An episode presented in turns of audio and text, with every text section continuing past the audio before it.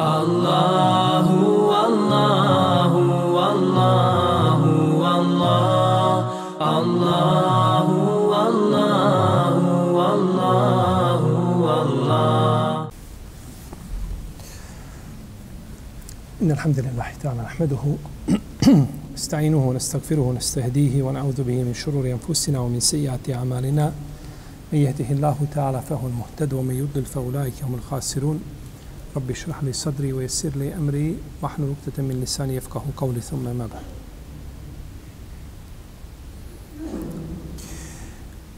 Uzvišeni Allah zaželi je odlikovao čovjeka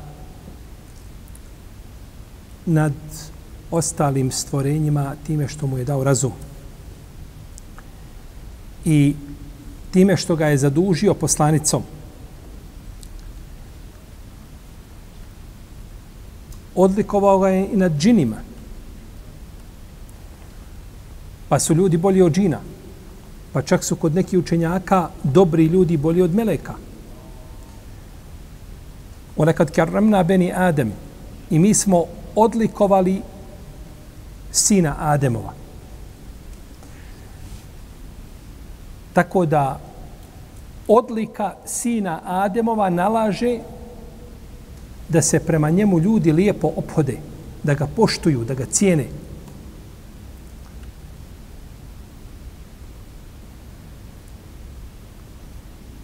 Iz toga je došlo u dini islamu, je tako da je zaštićeno pet nužnih stvari čovjekova vjera, njegov život, njegov razum, njegovo potomstvo, njegov imetak. Šerijet je došao da to zaštiti čovjeku. Pa nije dozvoljeno čovjeka ponižavati i omalovažavati ni živa ni mrtva.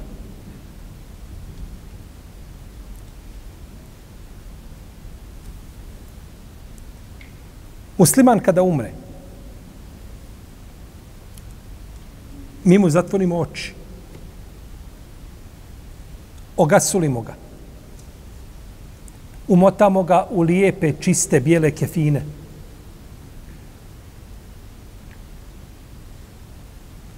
Potom uklanjamo dženazu. Dovimo mu posle dženaze. Kad god prođemo pored kabura, proučimo dovu koja se uči mejitima kada se prolazi pored mezara. Ima svoju vrijednost. I živ i mrtav. Kaže se u hadisu Ajše, koga bilježi imam Ebu Davud, sa vjerodostojnim lancem prenosilaca, kesru azmil mejit ke kesrihi hajje. Lomiti kosti mrtvom je kao lomiti kosti živom. Znači, kada bi čovjek mrtvoj osobi masakrirao ili učinio nešto što je... Nema razlike između mrtvog i živog. Samo što živi osjeti bol. Ali sa strane pogleda dini Islama,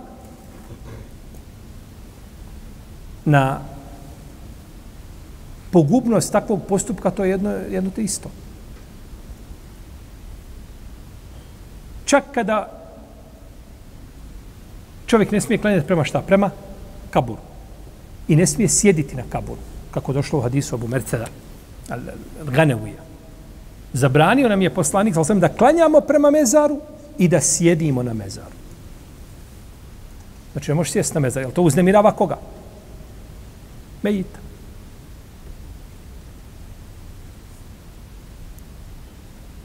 Čak je došlo u hadisu Bešira ibn Hasasije, koga bilježi imam ibn Mađe, Tirmizi, Ebu Davud, i za koga ima Mahmed i Neuvi kaže da je dobar.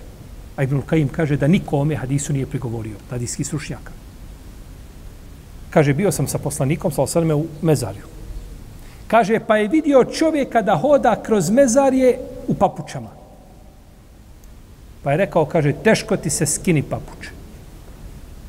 Pa je, kaže, pogledao, pa kada je vidio da je to poslanik, odmah je, kaže, skinuo papuče i bacio. Kod nekih islamskih učenjaka nije dozvoljeno ili je pogrdno hodati kroz mezarje u papučama, u obući. Treba skinuti, treba hodati bos. To je stav poznat u Hambelijskoj pravnoj školi. Džumhur učenjaka kažu može. Ma hadis tako Enesa da Mejit čuje zveket papuča kad odlaze sa nakon dženaze. Međutim, hadis Bešira je puno jasniji. To može biti tamo negdje čuju zveket papuča i ne govori se opće o propisu ulaska u mezar, u mezar je u papučama. Hadis nije došao tim povodom. Nego došao povodom da Mejit čuje u određenom šta? Vaktu. A hadis Bešira ibn Hasasije brani da se u mezari ulazi u papučama. Treba, ne treba, to je drugo pitanje. Šta je jače mišljenje? Pitanje je ovdje koliko Islam vodi računa o kome? O mejitu. O njegovoj časti. Da ga ne uznemiravaš ničim.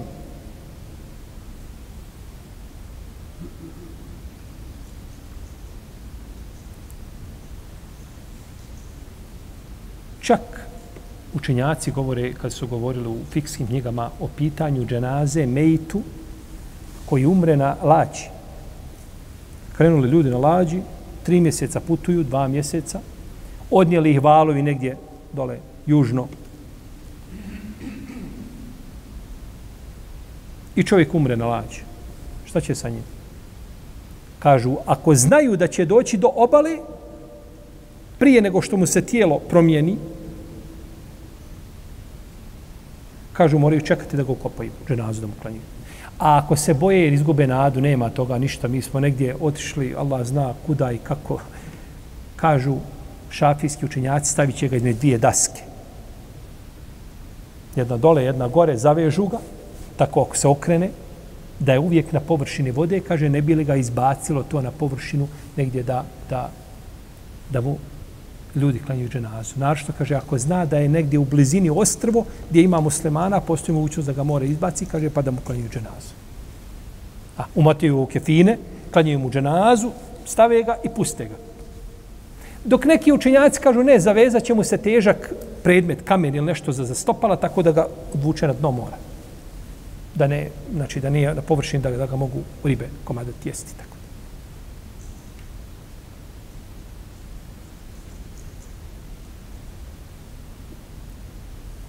Isto tako pitanje prodaje organa od čovjeka.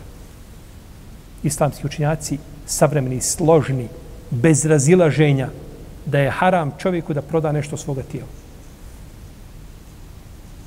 Ne smiješ ni krv prodati, ne smiješ ni krv naplaćivati kad je daješ. Ne smiješ naplaćivati ni ništa, čak Hanefije spominju ni kosu to spominje imam Haskefi, e, imam Ibn Džejm, od Ebu Hanife to prenose. Nema prodavanja. Prodavanje je haram. Da prodaš bubrek, da prodaš bilo šta haram. Nema te opcije da se prodaje. Zašto? Zato što ono što prodaješ mora imati vrijednost materijalnu. Čovjek nije materija pa da ima vrijednost. Ne može ga procijenta. Ovaj vredi 100.000, ovaj vredi 125. Nema materijalne vrijednosti. Nije za prodaj. Jedno. I druga stvar, da bi nešto ti prodavao, moraš biti vlasnik toga. Ili moraš biti u najmanju ruku opunomoćen da to možeš prodati. Vlasnik nisi definitivno. Jel ti Allah opunomoćio i dozvolio ti da ti možeš prodavati ono što on stvorio? To je tebi samo dato kao emanet na služenje, ništa više. Vraćaš to svom gospodaru, vraćaš se njemu. Zato čovjek nema pravo jesi dobio pravo da raspolažeš svojim imetkom koji imaš? Jesi. Zakonodavca si dobio pravo. I da ćeš biti pitan za to, ali možeš raspolagati kako želiš. Zato čovjek nema pravo da sebe osjeće prst. Ola taktulu ne fusekum. Nemojte ubijeti sami. Ola tulku ubije idikom ila tehluke. Nemojte sami sebe svojim rukama u propast bacati. La darare ola dirar. Nema štete i štetenja. Ko se ubije sam, bit će šta u džehennemu, kako? Kažnjava na isti način. Sve dokaz da nema, da to nije tvoje. Nemaš pravo sam se bude život, niti nanosi štetu kako tijelu. Nego naprotiv kaže poslanik, zal sveme, ja ibad Allah te davu. O Allahu robi kaže, liječite se. Allah nije ispustio ni jednu bolest, da nije ispustio za ništa lijeku. Osim starosti, smrti. Sve to dokaz da ti, da ti ne posjeduješ to tijelo, nemaš ti pravo to prodavati. Neki su učenjaci dozvolili da se pokloni organ. Ako se može nekome spasti život, a da prvom to ne čini štetu. To su neki dozvolili, nisu svi. Ma velikani umeta današnji koji kažu ništa. Pa umrijeće, pa ima i dženaza. Umrijeće, umrijeće. To nije tvoje da mu ti to možeš dati. Nije tvoje da mu ti to možeš pokloniti. Ima oni koji kažu, može se pokloniti. Ako nije za prodaju, može se pokloniti pod uslovom da ne šteti tom čovjeku kome je, e, kome je li, ovaj, uzet od njega organ, e, pod uslovom da dade jasan pristanak za to i da ima on pravo odluke da nije, da ne radi se o djetetu, da se radi o ludoj osobi, slično tome. To je razilaženje kod ehlu sunneta po tom pitanju. Međutim, nemaš pravo prodati, nemaš pravo raspolagati, nije tvoje.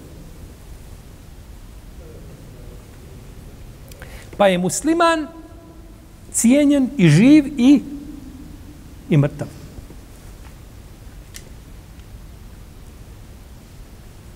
A jedan od najvećih ovaj ili najneprimjernijih načina ponižavanja mejita jeste da ga spališ nakon smrti. Da bude kremiran. I to je poznato danas u svijetu. Međutim, to se priprema i kod nas ovdje u Bosni i Hercegovini isto tako da se počne s tom praksom. Da se razumijemo, ko želi da radi sa sobom, sa svojim mrtvim, što to je njegov izbor. Pali, živi, bio, radi što hoće, što je tvoje. Međutim, ono što je problematično, jeste problematično, to čine muslimani. Jer mi imamo pravilnik. Kod nas se zabrano da mu kost slomiš. Jednu kost ne smiješ slomiti. Kako ga smiješ spaliti, onda ga, onda ga samljeti tamo. Ali bojimo se da će mnogi muslimani pribjeći nakon otvaranja krematorija toj praksi zato što je kremiranje 100 maraka a ukop je možda 20 puta skuplji ili više ili manje od toga, ne znam.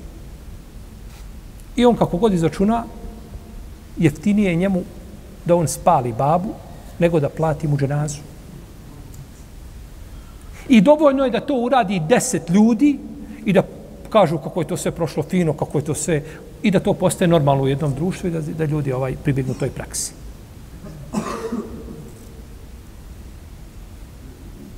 Ibn Abbas, kada je umrla Mejmuna, radi Allah, kako bilježi Buharija u Sahihu, umrla je Mejmuna, pa su nosili njen tabut. Kaže, polako nosite tabut i kaže, nemojte, kaže, uh, uh, nježno ga nositi, nemojte, kaže, trest tabut, kaže, to je žena Allahovog poslanika. Tabut nosiš na ramenu, kako je sunne da se nosi, i da se spusti sa ramena, polako i staviš ga uz, i staviš onda mu čerpiće ili daske kod nas se stavljaju da se zatvori da ne dolazi direktno zemlja. Mejit poštovan u svakom pogledu. Kako ga možeš spaliti, bolan? U peć na hiljadu nešto stepeni staviti čovjeka i paliti ga i onda ga mneti.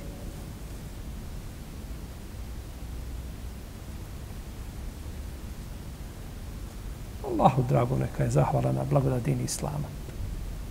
I na blagodati ljudskosti koju čovjek želi da pokaže prema tom mejitu. Stoga je obaveza svakome ko može da ukaže na zabranu tog postupka i da odvrati muslimane da to čine, to mu je dužnost.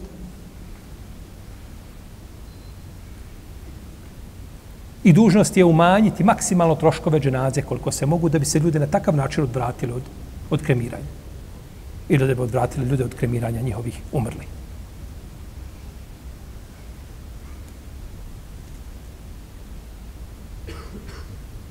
Mejt ima svoju čast i nije dozvoljeno znači nijekom kom kontekstu Mejta skrnaviti tu njegovu čast a našto ne paljenjem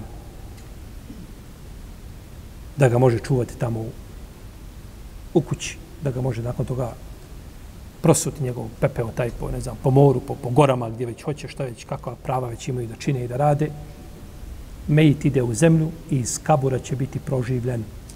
To je ubjeđenje muslimana, ubjeđenje kome nas, kome nas je poučio poslanik sa osaneme i on je ukopan u zemlju i nakon toga muslimani se kroz generacije ukopaju u zemlju i to zlo nije bilo prisutno među muslimanima. Ko želi da to radi, to je njegovo. Međutim, muslimane treba odvratiti od takvog postupka, jer je to ružno postupanje prema, prema meitu.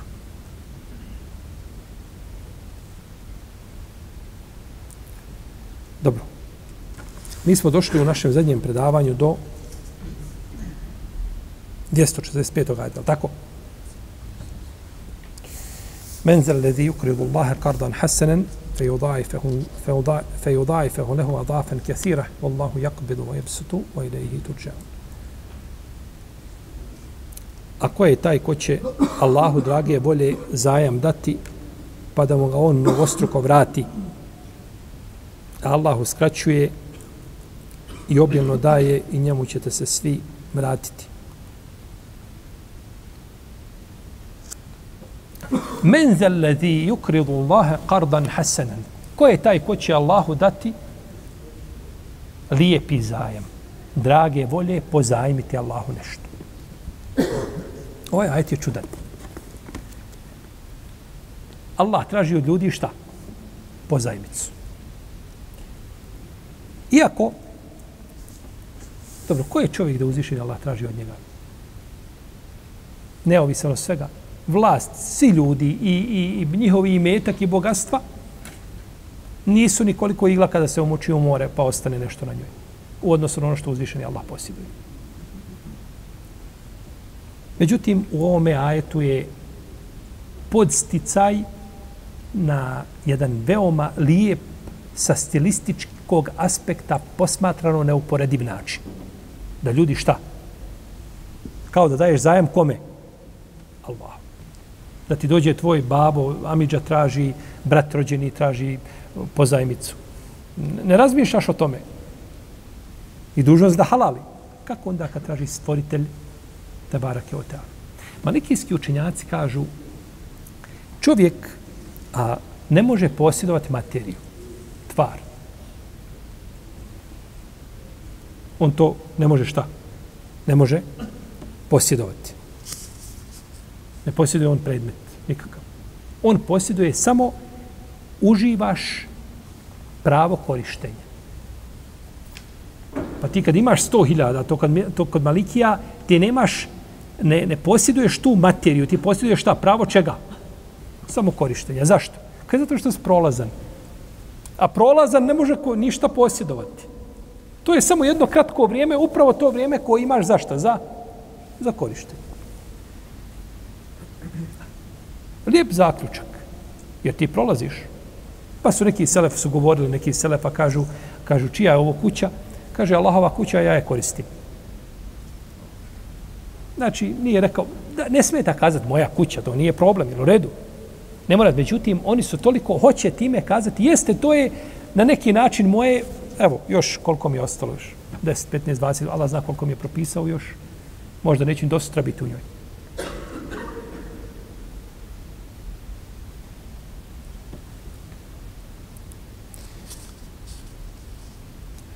Kada je objavljen ovaj ajet, Osman, on je, on je, kako došlo u Buharije, vitano je, ko će opremiti Džešul Osre, vojsku, koja je na tebu, ko će opremiti? Pa rekao, kaže, ja. Ko će iskopati bunar Rume? Pa ja, kaže, ja ću. Kaže, ko to uradi, pripada mu džene. To kad su došli, opkolile kolega Haridžije, da to su spominjali njima. Pa zar nije poslanik to koga hoćete vi da ubijete? On je, šta mu je poslanik sam rekao? Rekao mu je da ne skida čak tu košulju počasti koju će, kojom će ga Allah počasti hilafet, taman da to bude po cijenju njegovog života. Radi Allah te alanu.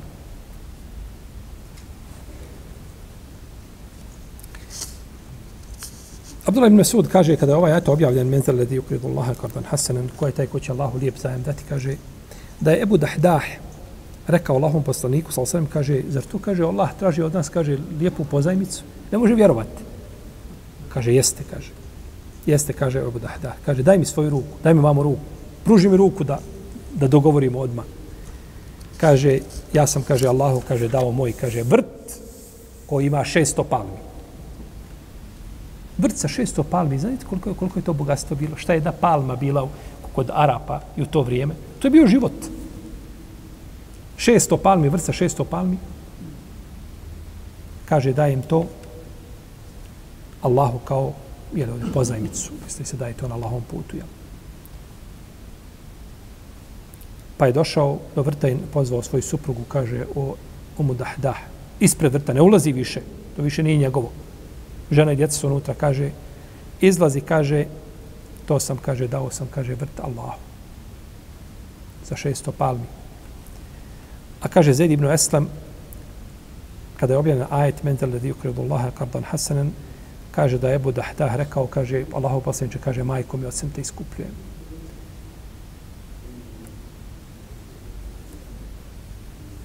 Kaže, Allah traži od nas, kaže, pozajmicu, kaže, jeste. Kaže, hoće da vas odvede njome u džennet. Ne treba to uzvišenom Allahu. On hoće time da tebe uvede u džennet. Zato ti je otvorio mogućnost da daješ na njegovom putu da bi zaradio njegovu milost, da uđeš u džennet. Kaže, ja dajem, kaže, kaže, kaže, da mene Allah uvede i mene i moju dječicu, kaže, u džennet, kaže, dajem, kaže, dajem mu taj vrt. Pa je pružio svoju ruku sa osam. U drugoj sredi kaže, imao je dva vrta. Rekao, Allah poslaniče, dajem oba dva vrta.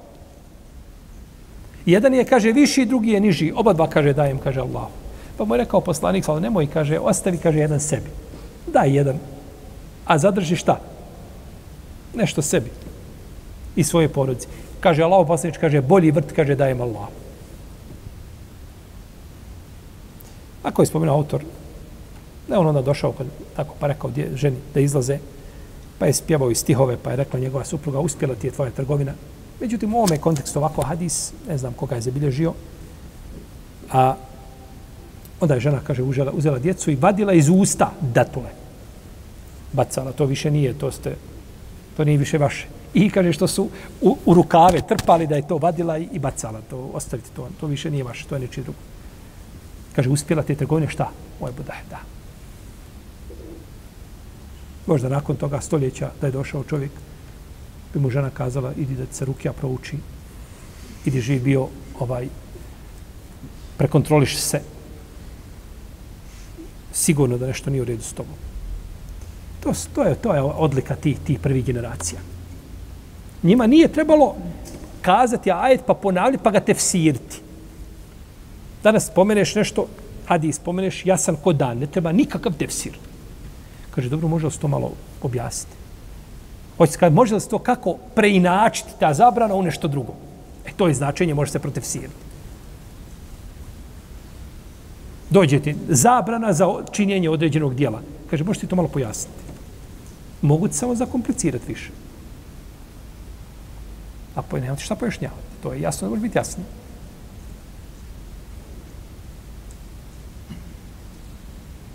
Iako ta pojašnjenja ne tražimo, kad kaže policajac, ovo je jednosmjena zabranjena, i sve kod im pojasni malo kako, kako je jednosmjena, kako je zabranjeno. Šef u firmi kad ti kaže uradi ovo i ovo, ne kaže, dem pojasni malo. Radiš i znaš, dobio si jasno i pokori se. To je bilo kod njih odlika.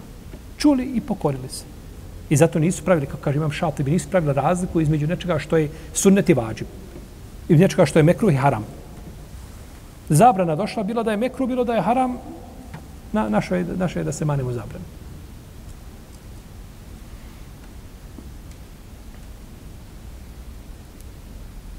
Međutim, došao je vjerodostojan rivajet kod imama Ahmeda, kod Ibn Hibana i kod Tabaranije, vjerodostojno predanje, da je došao jedan asab kod poslanika, sa osanem i rekao, trebao je da uzme palmu od drugog čovjeka iz njegovog vrta, trebala mu je ta palma, zbog njegovog vrta. Pa tražio i ovaj ne da, kaže mu poslanik, sa osvijem, daj mu palmu, tebi, kaže, pripada palma u džennetu. Ne može. Pa je Ebu Dah to čuo. Kaže, dajem ti ja moj vrt za palmu. Može li tako? I kaže, to već, to je druga priča. I odmah zamijenio, kaže Allah poslanič, eto ti kaže, palma, rad sa njom šta hoćeš. Pa je rekao poslanik, sal sam kaže, koliko palmi, visoki, veliki, kaže, pripada Ebu Dahdahu u džennetu, pa je to ponovio nekoliko puta. To je došlo, to je došlo u vjerodostojnom predanju. Naravno, nakon što je uzvišeni Allah za objavio ovaj ajet, ljudi se podijelili. Imate skupinu koji su kazali Allah siromašan a mi bogati. I Allah traži od nas. Pa je uzvišen Allah, a za objavio, neka se mi Allahu kao na ledine kalu, inna Allahe faqirun, wa nahnu agni. Allah je čuo riječi onih koji govore to i to. A nije to ostalo, to je zabilježeno. Vi ćete pitani za to što ste kazali. Pa im je objavio ajet kojega će slušati do sudnjeg dana. Koji su nakon toga istog razmišljanja. Imamo drugu skupinu koja je bolja nešto od ove skupine. Ona je dosta bolja od nje, ali je daleko od onoga što bi trebala biti. A to je skupina koja je, koju je škrtost, tvrdičluk, natjerali ih da, da ne, ne daju na lahom putu. Jeste to Allah objavio, međutim mi ne damo svog imetka, to je naše i završeno. Međutim, nisu radili ono što je radila prva skupina. I imamo treću skupinu, a to su braća Ebu Dahdaha, koji nisu više razmišljali. Da. Koliko treba dati i koliko ovaj... Pa je poslanik silazio sa Mimbera i udarao o svoje stegno i kaže ma darre osmane ma fa'ale badelijom. Kaže, ne smeta Osmanu nakon danas šta uradi. To je to, Osmane. Ti si danas kupio džennet. Kupio si ti Allah, jeli, kažemo, uslovno, Allahom milošću. Ti si toliko dao da je, da si, da si ovaj, zaradio Allahom milost.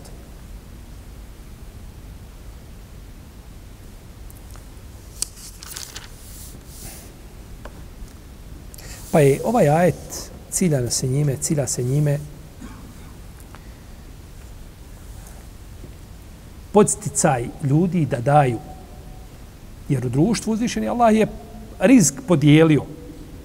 I rizk je van, eh, a, van eh, ovaj domena ljudskog razmišljanja i njegovog svatanja i poimanja.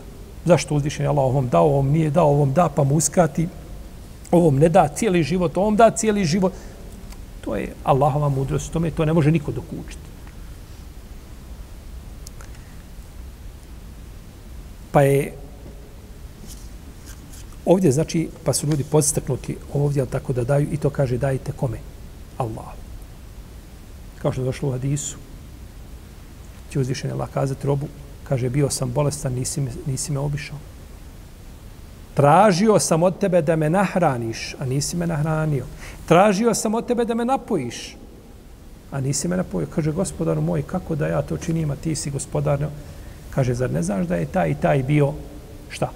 Bolestan, pa ga nisi obis... Bio je gladan, pa je bio je žedan. Da si to uradio, našao bi to kod mene. Ali kad to uzvišeni Allah pripiše sebi, na šta to ukazuje? na vrijednost i na nagradu tog. Nagrada uopće nije spomenuta nikako. Zato što je, možda ne mogu ni razumjeti, shvatiti nikako. Kolika bi to nagrada bila.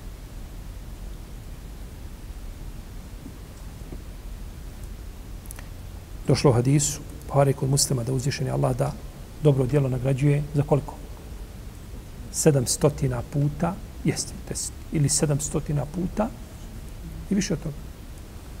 Kur'anu je došlo tako deset puta da uzviši Allah nagrađuje. Sedam stotina puta i više od toga. Neki učinjaci kažu kad se spomene 70 i 700 i to, kažu time se opće ne želi broj, nego se želi šta? Mnošt. Kad se kaže 700 puta, opće se ne misli, kažu na sedam na broj, nego se misli na mnoštvo, samo da želi da ukaže da je to nešto Ima i to mišljenje.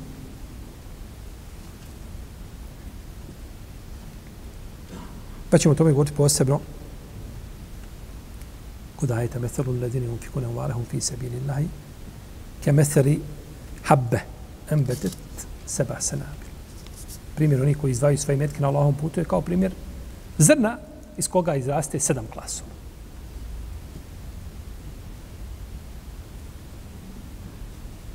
fa yudhaifahu lahu adafan kaseera kaže ovdje u ajetu kaže pa da mu to Allah mnogostruko vrati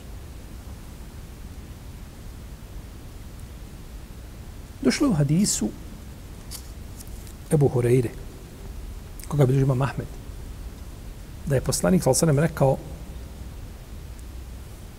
ko uradi dobro djelo, kaže, bit će nagrađen za njega elfej elf hasene. Dvije hiljade hiljada puta. Koliko je to? Dva miliona. Jer kod Arapa nema milion. Kod nje je elf o elf. Hiljadu hiljada, to je milion. Milione, uveli su ga sada, jeli, nakon što, ali nije bilo, osnovi nije bilo 2 miliona, uradiš jedno dobro djelo, imaš 2 miliona, tako daš kod hadis kod imam Ahmed. Ali hadis daif. Hadis je daif. Jer Ali ibn Zaid ibn Đuda'an, on je slab prenosioc. Spominjali smo ga prošli put. Jesmo li? Jesmo li nismo? Zbog čega smo vas spomenuli prošli put? Nešto spomenuli vezano za to gravi. Prošlom predavanju. Da je on jedan od rijetkih koji se bavio naukom, a da je pobjegao od kolere. Je bilo prošlo ili pretprošlo? Ha? Prošlo. Pa dugi je sedam dana. Sedam dana je dugi. Zato ja bih najvolio kad bi svako predavanje ponovili, ovo predavanje održimo i naredni put ga ponovimo. Jezdu užuže da bi prepolovio džemat, to sigurno. Pitali bi kada je li pravo predavanje ili je kopija, šta je? Ali, ali bi ponavljali. Znanje hoće ponavljanje. Neće, nema to. Za, operite ruke, manite se toga, Buharija bio jedan put čuje i više ne može, ovaj, mora, on, se, on se mora siliti da zaboravi. Morao se pozahmeti da nešto zaboravi. Je tako? To je prošlo to vrijeme. To, znači, mora biti šta? Ponavljaj. Pa je, hadis je daif. Neka je daif. Imamo 700 puta i više.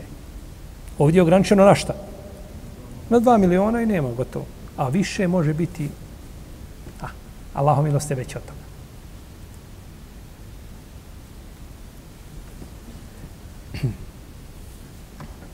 Nagrada za karb, za pozajmicu je velika. Jer time olakšavaš čovjeku. Ponekad je čovjeku potrebno hiljadu maraka. Sad mi je potrebno hiljadu, potrebno hiljadu maraka da me upitaš nakon godinu dana hoćeš li sto hiljada ili sada hiljadu, rekao bi sada hiljadu. U takvoj situaciji se čovjek nađe. Ne trebam to pravo pojašnjavati, ali tako? Svi smo to na neki način okusili da ti ponekad dođe vrijeme kada ti je potrebno i ne možeš čovjeku zaboraviti koliko ti u to vrijeme pozajmi ono što ti je potrebno. Došlo u hadisu koga bilježi Ibn Mađu u svojim sunanima. Od Enesa Ibn Mali, kada je poslanik, sal sam rekao, kaže, vidio sam noć kada sam uzdignut. Isra. Ili Mi'arađ, bolje kazati, Isra je putovanje iz Mekije u Kudca, dolje, da dalje e, Kaže, vidio sam, kaže, da na vratima dženeta piše da je nagrada za sedaku deset puta a nagrada za pozajmicu 18 puta. Kaže, pa sam upitao Džibrila, kaže, Džibrilo, zašto je nagrada za pozajmicu veća od sedake? Pa mu Džibril, sallallahu sallam, rekao, kaže, ponekad čovjek traži sadaku, a ima dovoljno. Ima li takvi? Ima. On traži, a ima dovoljno. Međutim, kaže, pozajmicu ne traži nego neko je potreba. Pozajmljuje samo onaj ko je šta? Potreba. A zato je, kaže, veća nagrada. Ali je hadis veoma slab. Moj hadis je munker. Ne može se ničim ni pojačiti.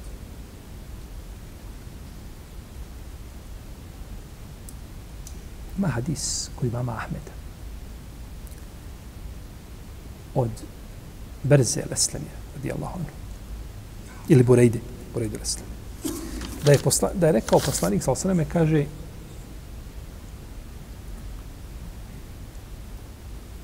čovjek kada nekome pozajmi nešto, ima za svaki dan u toj vrijednosti kao sadaku da je dao. Nekome je spozajmio hiljadu maraka. Na mjesec dana svakog dana ti se piše kao da si dao hiljadu maraka čega? Sadaki.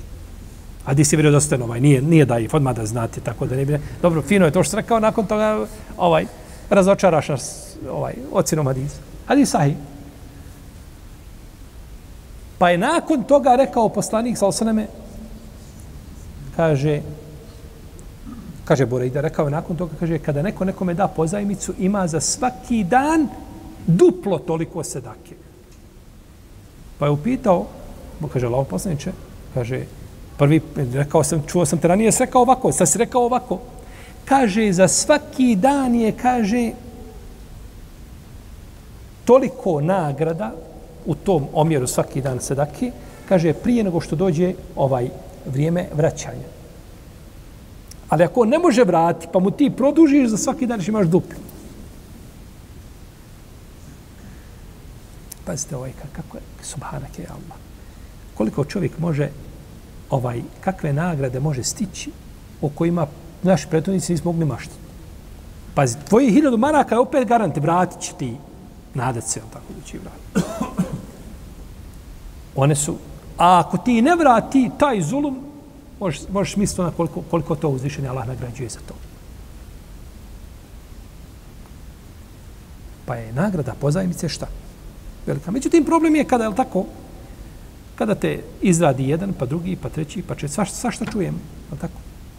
Treba mi samo, eh, samo da premostim tri dana i nakon toga tri godine ne znaš gdje je. Ne javlja se ništa. I ja ne vjerujem da ima čovjek koji ti je pozajmio pare na određeno vrijeme. I nakon toga ti upadneš u tešku situaciju i ti ga svako mjesec dana posjetiš porukom, nazoveš ga, slušaj Muhammeda, Allah te poživio. Ja, ja ne mogu spavati zbog ovoga duga. Prve pare koje dođu, to su tvoje pare. Allaha me uzvišenog nemam, trudim se maksimalno, molim te da me sačekaš, ja to nisam zaboravio. Ja... Boži bio, gledaj svoja posla, kad te Allah olakša vrati, to je to. Međutim, ovaj, igrati se sa ljudima, njihovim imecima i tako dalje, to je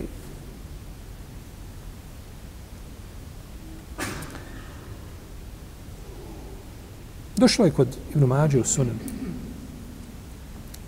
Od Kajsa Ibn Rumija. Kaže da je Sulejman Ibn Uzunan da je pozajnjivo Alkami uvijek hiljadu dinara dok ovaj ne dobije svoju platu, dok ne dobije, dok mu ne dođu pare. Pa mu da hiljadu dinara, ovaj mu nakon toga vrati. Pa je jedne prilike mu dao hiljadu dinara i, i a, hiljadu dirhema, oprostite, ni dinara, hiljadu dirhema. Pa je nakon toga tražio svoje pare. Kaže, daj, vraćaj, vraćaj to. Pa bio grub prema njemu. I ovaj donio ljut i dao mu. Evo ti, kesa i hiljadu dinara. I bio ljut. Pa je došao opet nakon vremena, opet na ista vrata pokucao. Kaže, treba mi hiljadu. A ovaj postupio grubo prema njemu, vlastnik para. Kada je došao da traži drugi put, on je očekivao vjerojatno da, sad, da neće dobiti nikako. Kaže, kad došao traži, kaže, može li hiljadu dirhema? Kaže, svakako, naravno, sa zadovoljstvom. Ženi kaže, daj, kaže, onu njegovu kesu, kaže, što je donio zadnji put, kaže, istu mu kesu, kaže, vrati. Evo je, kaže, nije, kaže, ni odvezana. Pa čekaj, kaže, šta mi, šta mi to onda uradi, kaže, prije malo, prije kratkog vremenskog prije, kad sam, kaže, kad stražio od mene svoje pare, kaže, šta mi to uradi, što si tako bio grup prema meni? Kaže, zbog onoga što sam čuo od tebe. Kaže, šta si čuo od mene? Kaže, čuo sam od tebe, kaže, da spremi od Ibnu Mesuda, da je poslanik, ali sam rekao, kaže, nema ni jednog muslimana koji drugom muslimanu pozajmicu, da, kaže, e, dva puta, kaže, da mu je Allah neće pristi jedan put kao sedaku. Pa je htio šta, da ovaj dođe, daj što prije, pa ćeš mi prije šta doći, hoćeš što prije da taj čovjek zna svoj metak uložiti na pravo mjesto, na ga obrnuti. Naga, jeli? Obrnuti. Međutim, priča je neispravna. Priča je. Ja spominjem zato što je autor spomenuo, autor je spomenuo, jeli, priče, kao priče ovdje nije ukazio na njihovu slabost, ali slabe, jedna i druga. Ovaj kao rivajet bi mogao proći kao rivajet. Njemu je šeh Albani dao prolaznu ocjenu. Međutim, priča kao priča je, ona je, jeli, problematična.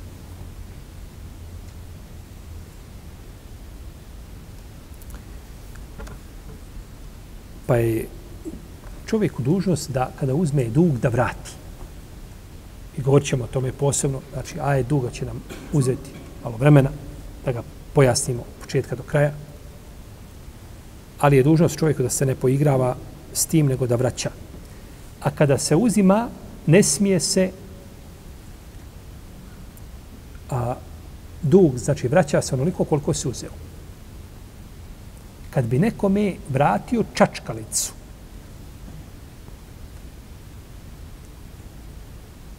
to je kamata.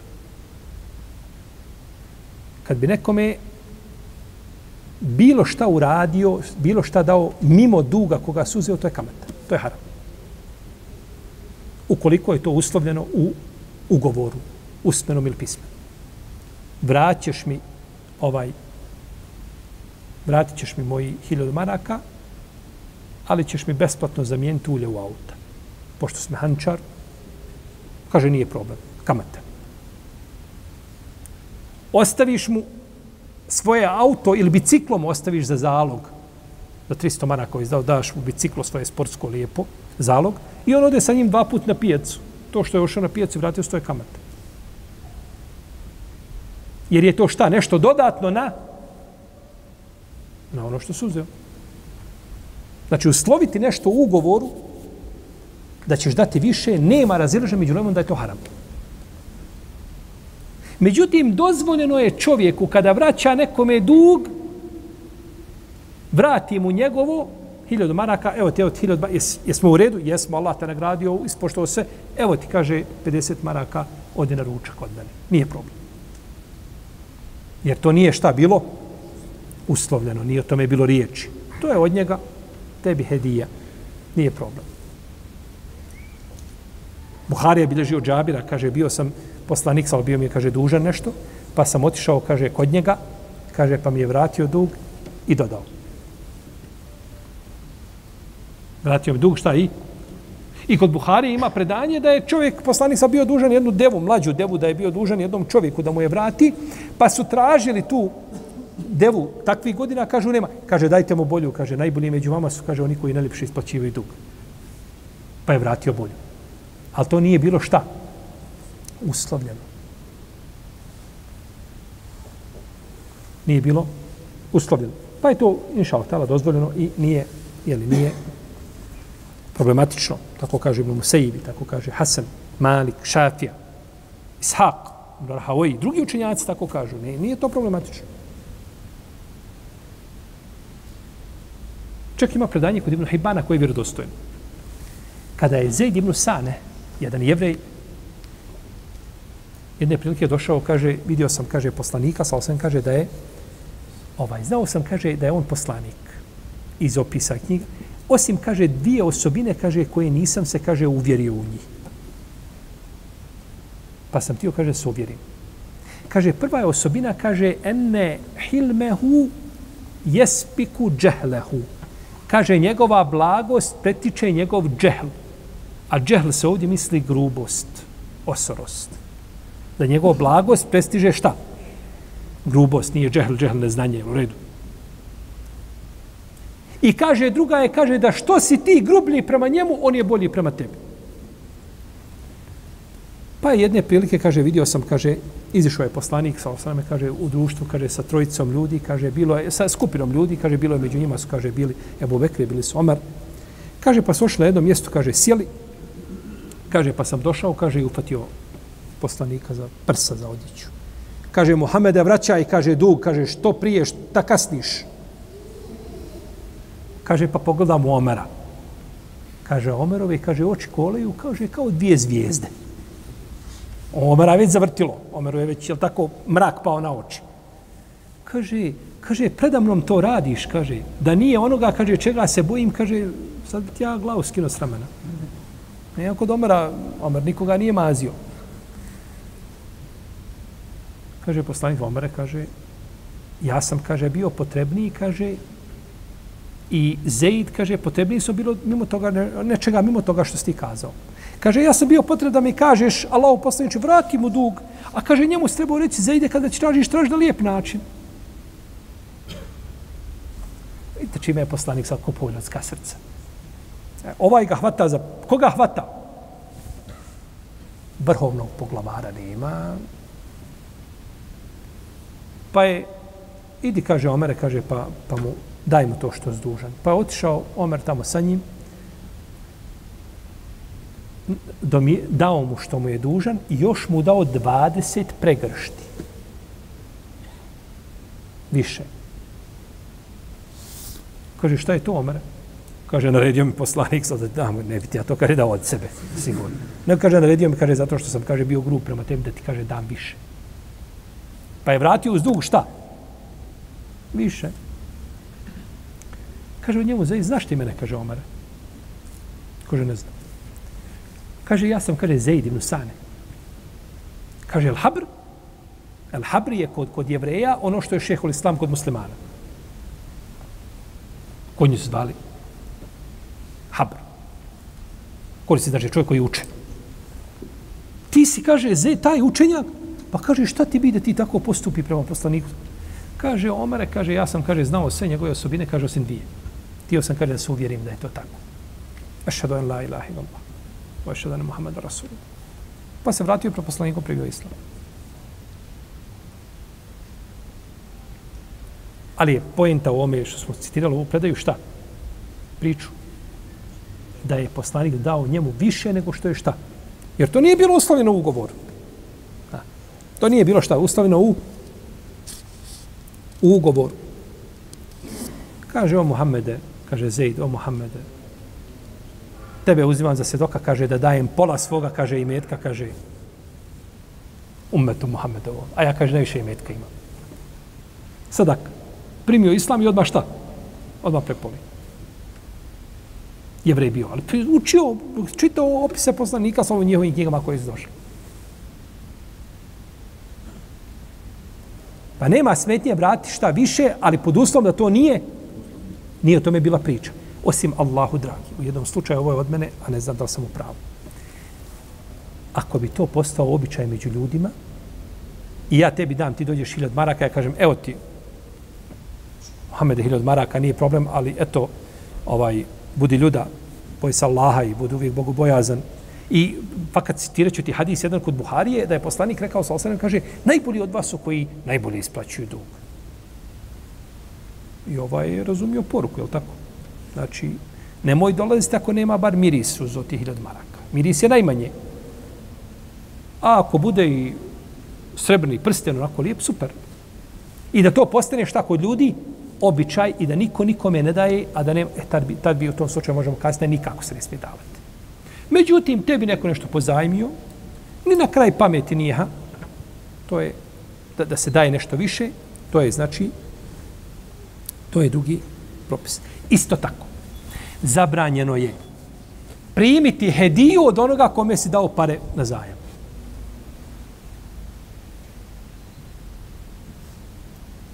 Dao si mu hiljadu maraka i on sutradan ide nosi tebi hediju i donio ti hediju. To je zabranjeno primiti. Osim ako je među vama davanje međusobna razmjena hedija bio običaj koga vi znate već ima deset godina tako se častite. Uvijek ti njemu nešto, on tebi nešto, to je drugo. Jer to je šta? Običaj i da nije bilo pozajmice, taj bi običaj bio šta? Aktuelan, jel u redu? Međutim, on ti pozajmio, ti mu nikad nisi prije toga odnio hedije ni, ni, ni, ni, ni svaka i nakon toga jednoga dana nosiš mu punu vreću svega nešto natrpao, to je zabranjeno. To je zabranjeno. Došlo u hadisu Ebu Ishaka El Hunaija. Kako može biti zabranjeno? A sad smo kazali da, evo, Tari, ja vidim da je Tariku nejasno, odmah da, da, ovaj, da me, ovaj, zabranjeno je dati hediju prije nego što vratiš dug. U redu? Umeđu vremenu. Trebaš vratiti dug i kaže ovo smo šta? To je završeno, taj, to je prošlost. Evo ti nešto, nije problem. Ta hedija može, ali mora čekati šta? Da se završi sve. Jer onda ulazi u šta? Uklopio si ga u dug. Razlika, precizna. Došlo u hadisu, koga se spomenuo Denes ibn Malika, da je upitao jedan ovaj, El Hunaj je upitao Enes ibn Malika, kaže o čovjeku koji nekome nešto da, pa mu ovaj poklon poklon nešto, kaže, rekao je poslanik sa osreme, kaže, ako jedan od vas pozajmi drugom nešto, pa mu da poklon, kaže, neka ga ne prihvata, ili kaže, traži da ga ovaj, uh, ili da ga ovaj na, na devi negdje stavi za sebe da jaše, neka kaže, to ne prihvata. Jer je to sve dodato na šta? On je tebi dao hiljad maraka i jaše na tvojoj devi. To je usluga koja je šta? Dodatna. Kaže, osim ako je to bio običaj šta?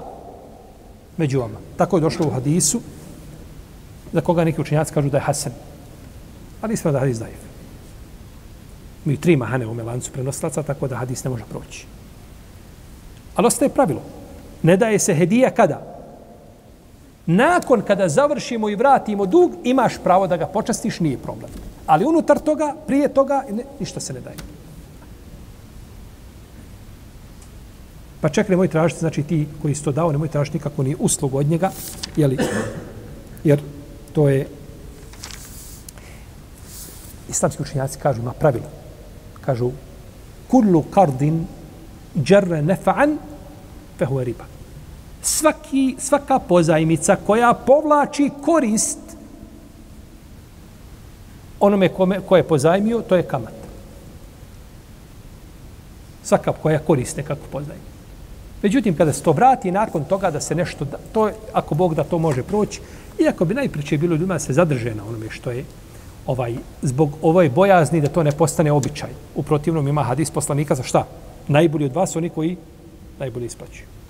Ali ako bi to prešao u običaj da se to stalno čini, to može lahko onda biti i i problematično. Dobro. Sadaka, ovaj kard, ne mora biti samo materijalne prirode. Ponekad može biti vezan i za čast i za dostojanstvo. Navodi se u hadisu da je poslanik, sam sam rekao, zar od vas neko, zar od vas neko nesposoban da bude kao Ebu Bamdam. Kaže, on kad izađe iz svoje kuće, on bi rekao, gospodaru moj, kaže, ja moju čast, moje dostojanstvo dajem kao milostinju a tvojim robovima. A Ibn Omar kaže, daj nešto svoje časti kao milostinju. Misli se kad te neko, kako čast, kako čast za kao milostinju. Kad te neko uvrijedi, neko te potvori, ne mora se uvijek mak na konja, konac ganjati. Ostavi to. Ostavi to za dan kad će ti biti potrebnije. Ljudi su čudni. Ponekad neko nešto rekao, on hoće nužno, on 30 poruka zove, na 30 savreta, jesi li čuo, nisi li čuo, je li ovako bilo, nije Što se mora semak na konjac ganjati? Nisam rekao i završeno. E, ja ću tebi dokazati, nisam rekao. Zakuni se, Allaha mi nisam rekao. To je ako ne vjerujem Allahom, Bogam, kakve će, kakve će ti poruke vjerovati ako ne vjerujem Allahom? Ka, ako si mogao Allaha prevariti i lažno se zakljeti, kako onda ti vjerujem da nisi tamo u Photoshopu neče poruke radio i tamo nešto ti mijenjao i pripisao i slova. Ne treba se uvijek, ima, je tako, dan kada će ljudi polagati, kada će ljudi polagati račune, kaže se od Ibn Omara da je govorio,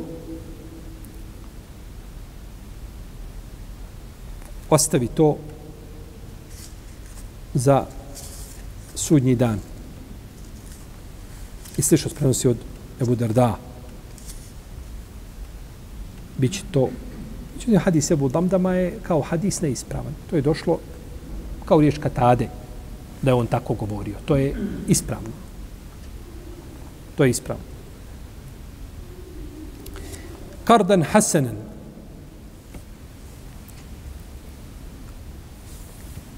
Lijepi kard. Kard drage volje koga čovjek daje, šta je taj, taj, ta lijepa pozajmica? Ona ima svoje šartove. Prvo je da bude radi Allaha ta pozajmica.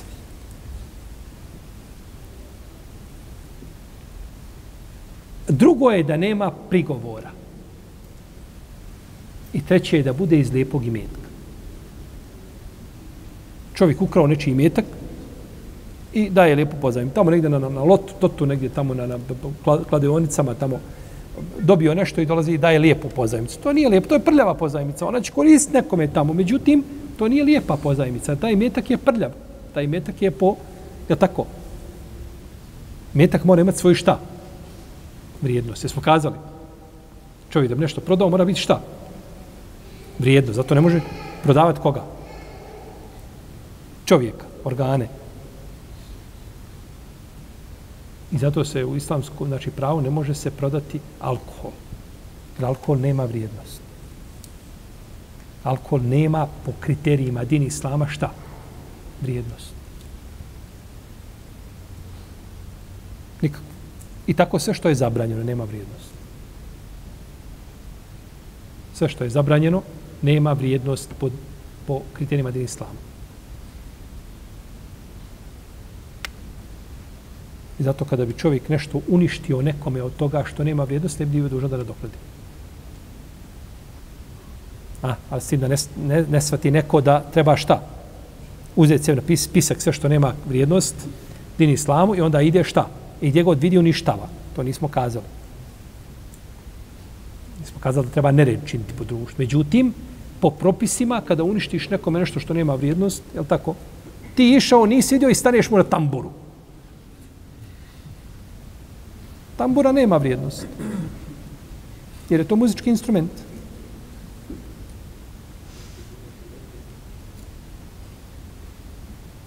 Ali nismo kazali što da treba činiti? Nered. Međutim, propis je takav da to nema vrijednost.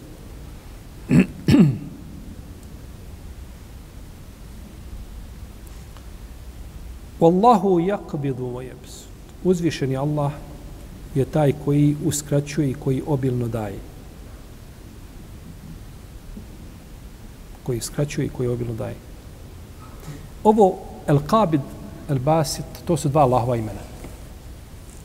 I to, je, to su dva od 18 imena koji se navode u sunnetu. 81 ime je došlo Allahovu u Kur'anu i 18 ima u sunnetu. S tim da se islamski učenci oko neki imena razlikuju shodno prihvatanju ili ubijanju čega? Hadisa, tako.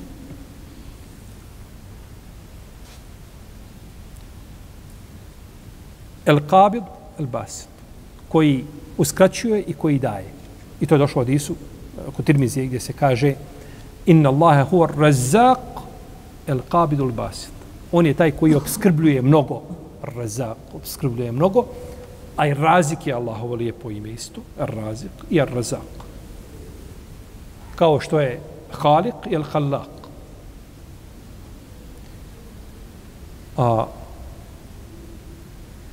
obskrbljuje, uskraćuje i daje kome želi. Po svemu. Jehebu li men ješao i nasen, o jehebu li men ješao zukur. Evo ju zavuđuhum zukranen o inasa, o jeđalu men ješao akima. Daje kome hoće mušku djecu, kome hoće žensku djecu. Jednom daje i mušku i žensku, a nekoga ostavi da bude neplodan. Obskrbljuje Allah kako hoće. Daje šta želi i kako želi. I tu ne možemo niko te barak prigovoriti, niti, niti kritiku uputiti, niti bilo šta drugo. Jer njegova mudrost nadmašuje sve, sve razume. Pa sto dva lijepa, došli su u hadisu za koga Ibn Hajar kaže u svom delu Talhisul Habir, kaže da je ispravan po muslimovim kriterijima. Jer kad potvrđujemo Allahova imena, to mora biti potvrđeno čime? Vjerodostojnim hadisima. To ne mogu to je stvar gajba i da li uzvišenog Allaha nazvati nekim imenom ili ga ne nazvati, to je šta? To je pitanje, znači da moramo imati vjerodostojan šta? Hadis. Muiz, muzil, onaj koji, koji čini nekoga jakim, ponosnim, neko ko, koji, ko nekoga ponižava. To nisu Allahova imena. To mogu biti svojstva, ne mogu biti šta? Imena. Pa uzdišen Allah ovdje je jakbidu o jebsut, uskraćuje i daje. Je li ovo ime ili svojstvo? Svojstvo. Pa iz svakog imena izlačimo svojstvo, a ne izlačimo iz svakog svojstva ime. Pa je polje svojstava šire od polja imena. Svojstvo uzvišenog Allaha je da pravi spletke. Oni spletkare, Allah njima spletke pravi. To je svojstvo ali ne možemo Allaha nazve, na, nazvati imenom koje bi bilo neprihvatljivo. Pa su svojstva i imena, znači u vezi. Wa ilaihi turđaun i njemu ćete se vratiti. bit ćete pitani. A, ovdje i njemu ćete se vratiti. Naredba za izdvajanje na Allahovom putu, potom kaže njemu ćete se šta? Vratiti. Znajte da ćete biti za to nagrađeni ili šta? Za pokornost i za nepokornost, za sve. Ali ovo njemu ćete se vratiti, ome je tebi podstrek da daješ. Kao da ti veže to što daješ, to ćeš naći tamo gdje ti bude najpotrebnije.